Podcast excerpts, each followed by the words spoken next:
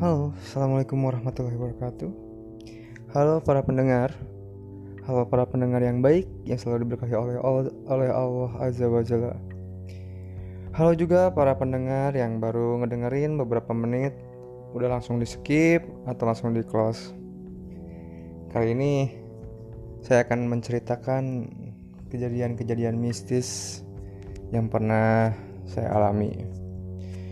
Sebelumnya, mungkin kontradiktif ya dengan pernyataan yang saya pernah dengar bahwa seseorang yang pernah melihat jin itu sesungguhnya dia adalah orang yang kufur. Tapi saya merasakan itu dan nggak tahu gimana perbandingannya. Nanti ada beberapa cerita, langsung aja kita ke cerita yang pertama. Cerita eh, bagaimana ibu kandung saya itu atau ibu yang melahirkan saya itu kesurupan. Awalnya waktu saya kelas uh, eh, 2 naik ke kelas 3, saya pindah dari Cirebon, Gresik ke kota Garut. Nah, kebetulan karena orang tua saya atau ayah saya itu pegawai BUMN ditempatkan di Garut sebagai kepala kantor dan diberikan rumah dinas. Nah, kemudian saya pindah, saya masuk ke rumah, rumah dinas tersebut sambil uh, mendaftarkan sekolah dasar. Tepatnya rumah dinas itu ada di uh, kota Garut di Jalan Siliwangi nomor 3 kalau nggak salah. Sekarang sudah berubah jadi garasi rumah dinas tersebut dan saya disekolahkan di SD Siliwangi 3 itu kalau orang Garut tahu itu di depan Kopi Tolki itu SD saya. Nah ketika masuk melihat bangunan tersebut eh, seperti bangunan Belanda rumahnya lega matahari itu sedikit yang masuk ke rumah.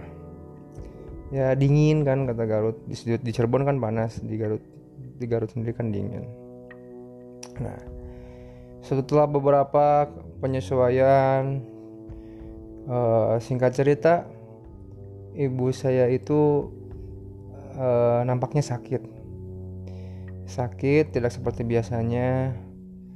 Nah, kejadiannya itu ketika saya diajak sore-sore saya diajak ikut tenis di departemen agama yang ada di dekat STKIP Garut itu sore-sore di situ saya eh, ikut sama ayah saya tenis.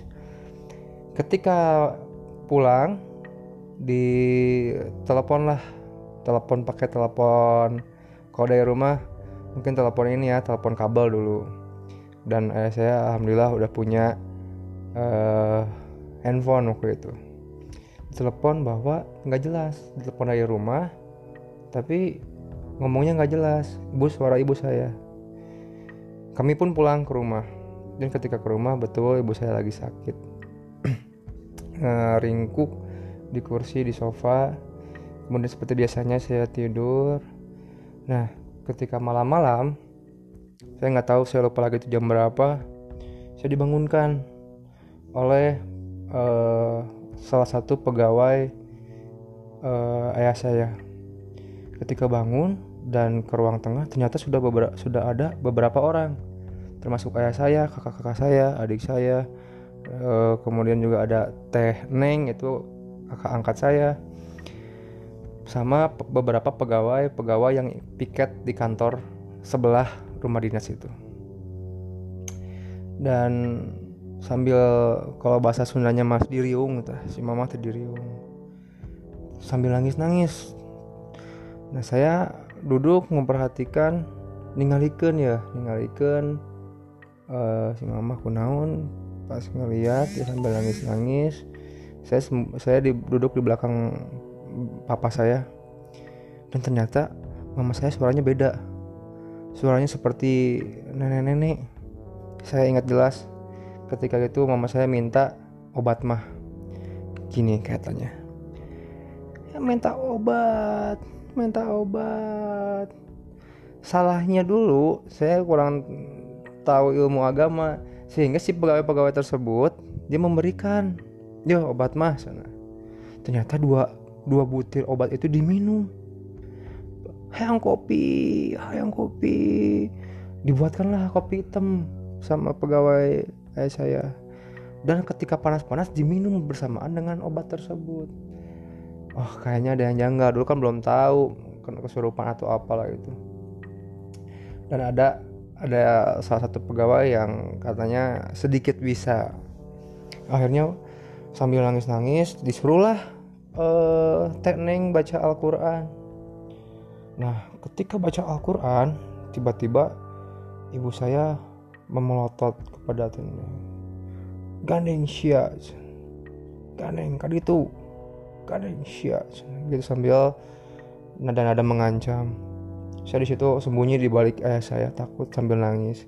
Dan ada akhirnya ayah saya bilang ke mama saya yang mama saya neng neng sadar sadar. Iya karunya si Dimas. Nyaah tuh kasih Dimas. Iya si Dimas ya si Dimas itu adik adik saya ya. Dan pada akhirnya mama saya sadar sebentar. Nah nggak lama kemudian dia kemudian nggak sadar lagi. Tiba-tiba bilang, seperti ini.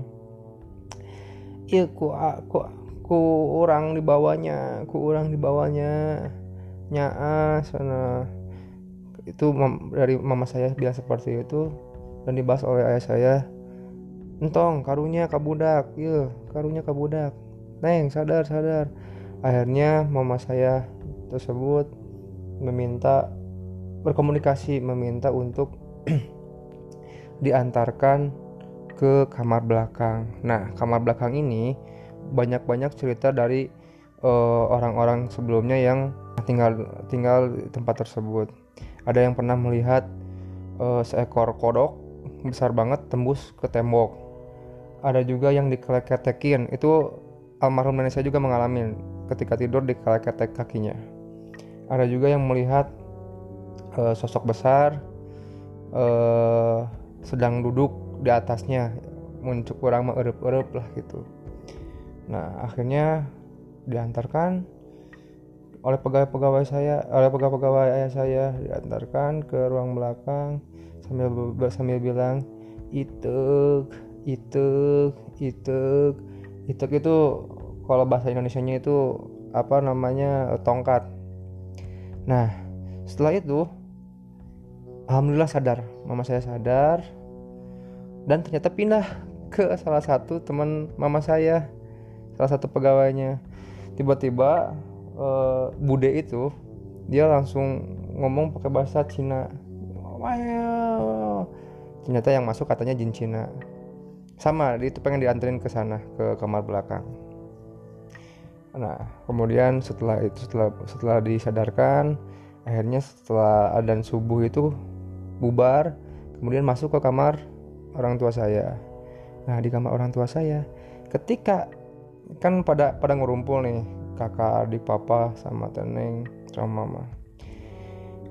Lagi ngobrol biasa ngobrol biasa mama sambil tiduran.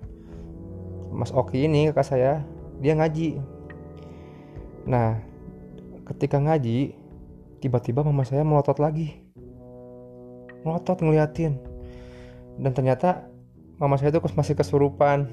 Jadi waktu pas ngobrol itu kayak sadar nggak sadar akhirnya semuanya takut. Cuman di situ papa saya langsung mencoba untuk menyadarkannya dengan membaca-baca surat-surat sebisanya. Setelah kejadian tersebut saya uh, mengalami traumatik dan saya tidak tinggal di rumah selama beberapa bulan. Saya tinggal di rumah teman atau pegawainya ayah saya selama beberapa bulan. Dan ini kejadian nyata. Saya pindah ke daerah Mawar ikut tidur sama bude di sana dan aman. Kenapa? Karena di rumah itu serem serem uh, gelap poek. Dan kamar belakang itu salah satu tempat uh, hukuman buat anak-anak yang nakal. Kalau saya berantem sama kakak saya gara-gara main uh, komputer kalau berantem nangis sama ayah saya dimasukin ke situ.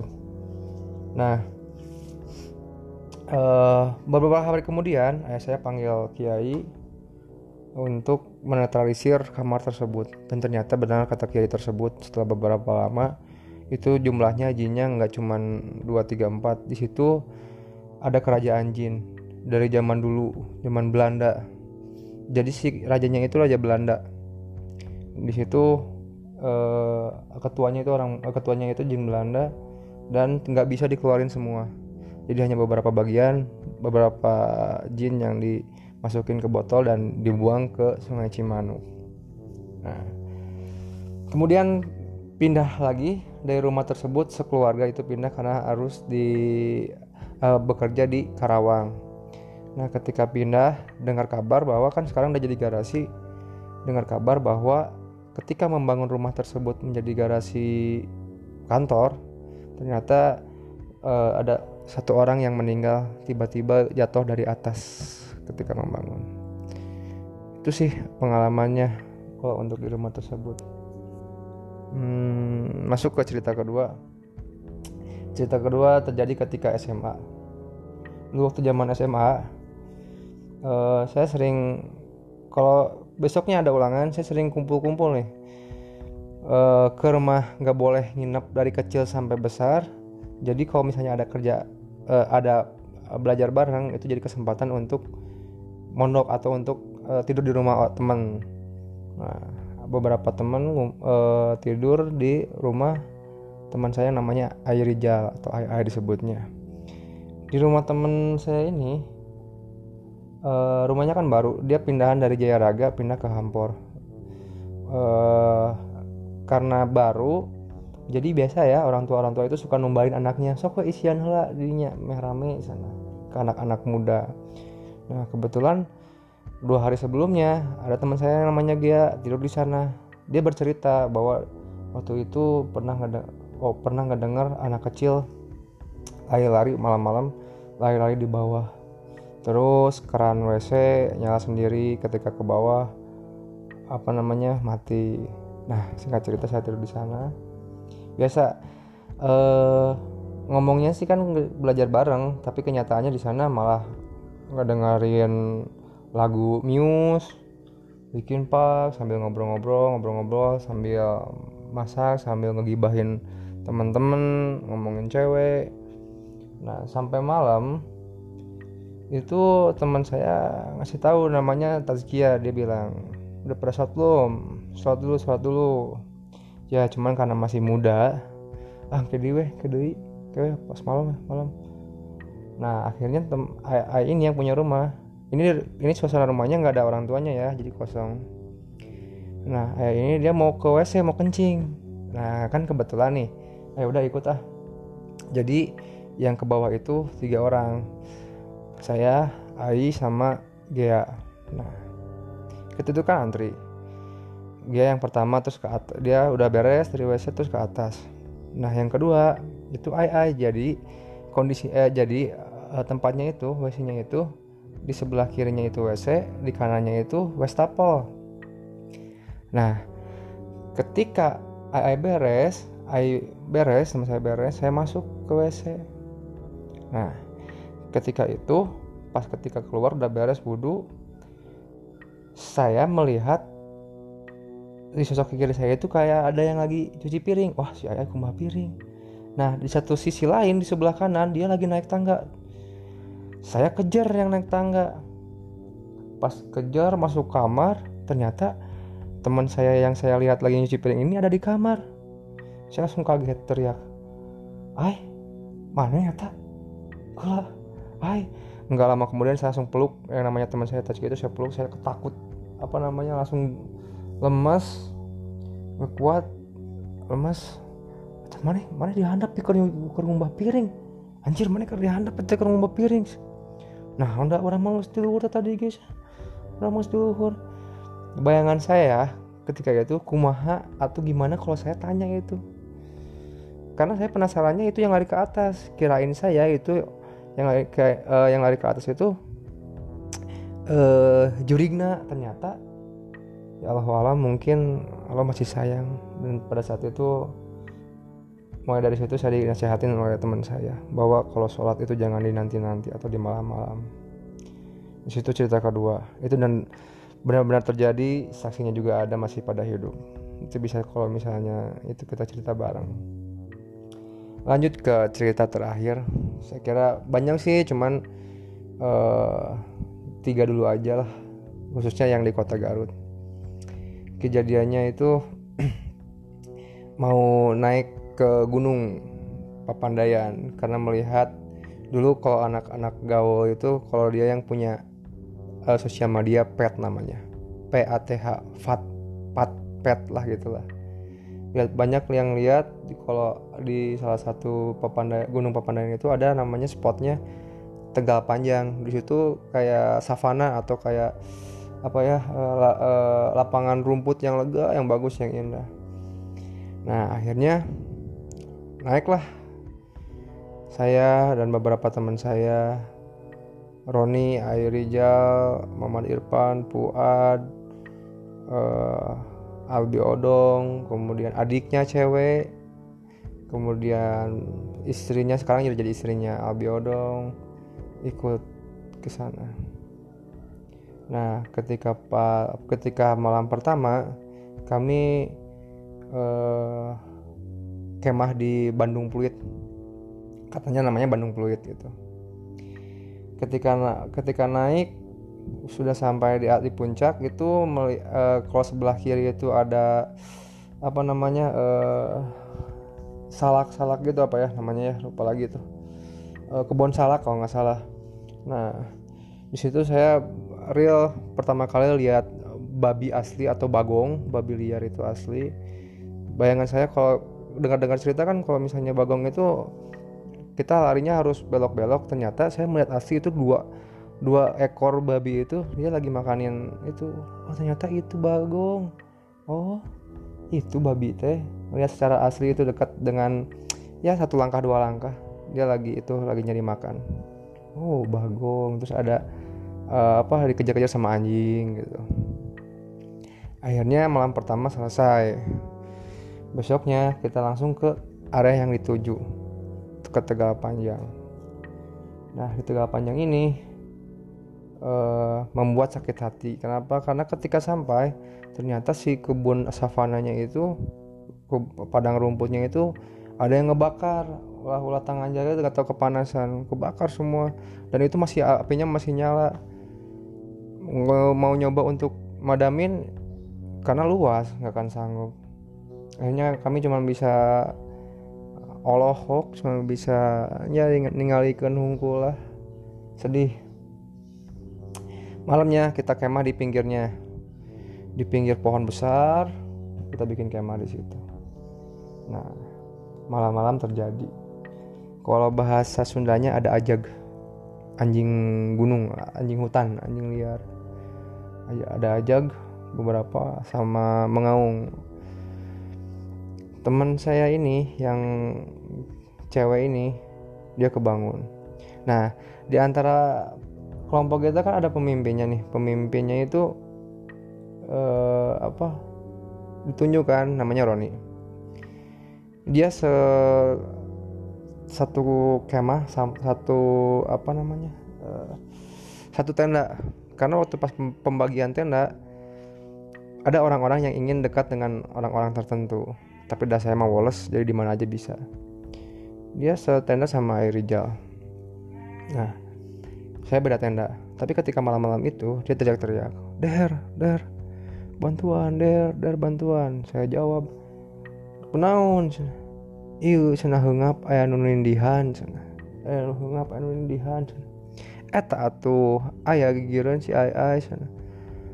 Roni pun menjawab embung sana yang kumani sana padahal awalnya kita bertengkar gara-gara rebutan apa tenda. Tapi ternyata dia pengen uh, di apa namanya diurus sama saya lah gitu lah. Nah saya pun bangun keluar dari tenda jam setengah satu malam kalau nggak salah itu.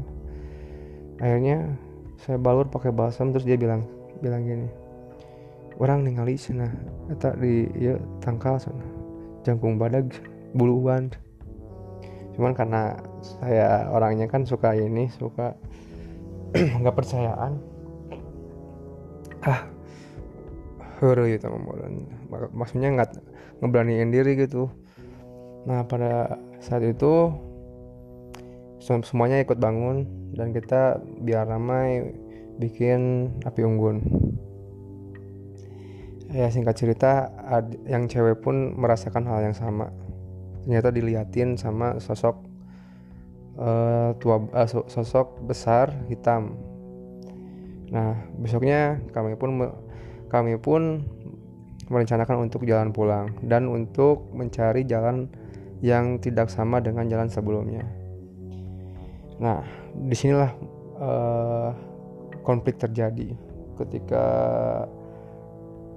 ketika itu uh, teman saya pemimpinnya ini dia bertengkar dengan teman saya namanya Albi masalah jarak.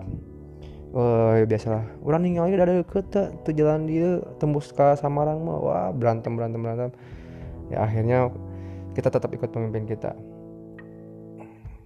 Nah masa, uh, keanehan terjadi ketika ini jalan jauh banget.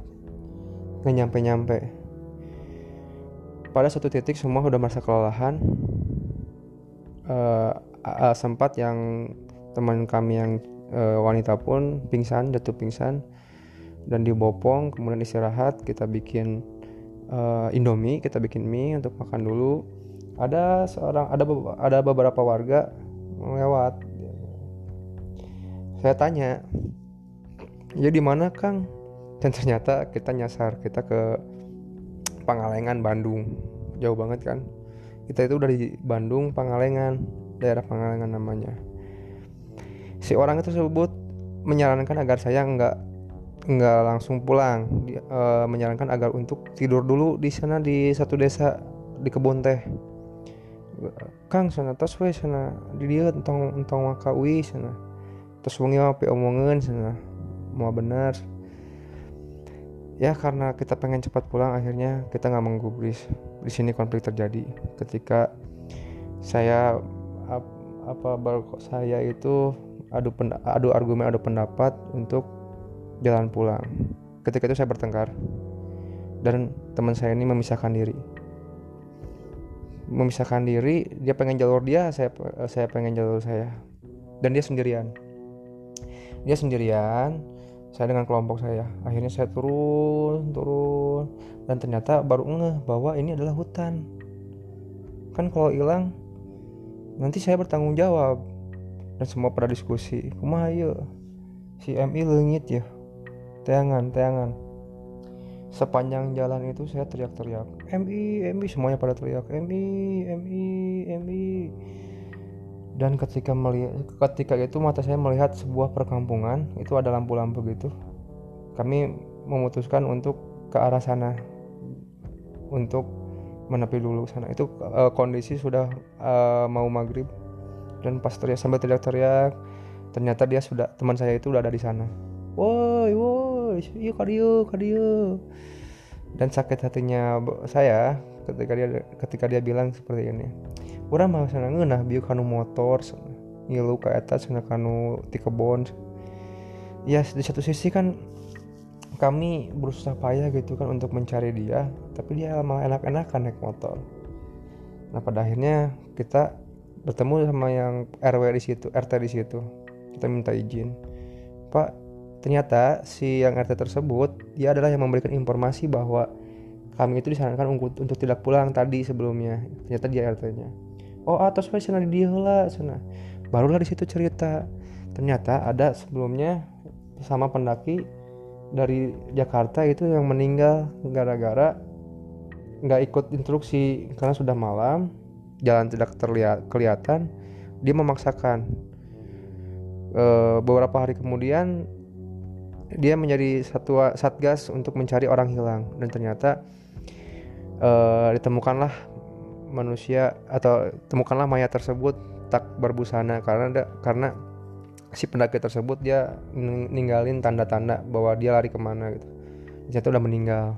Cerita bapak itu. Kemudian ada juga yang cerita ada juga yang maaf ya gancet itu yang berhubungan dan bisa nggak bisa lepas lagi.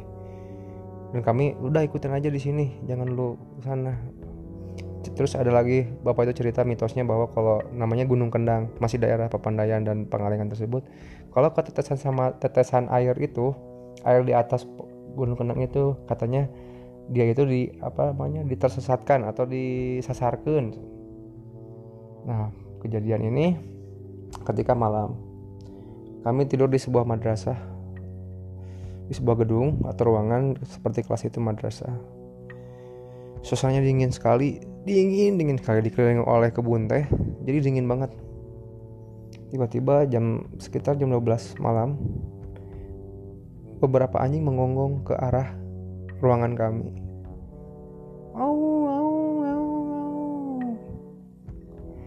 Bapak kan takut eh saya kan takut ya. Saya coba uh, bangunin yang lain.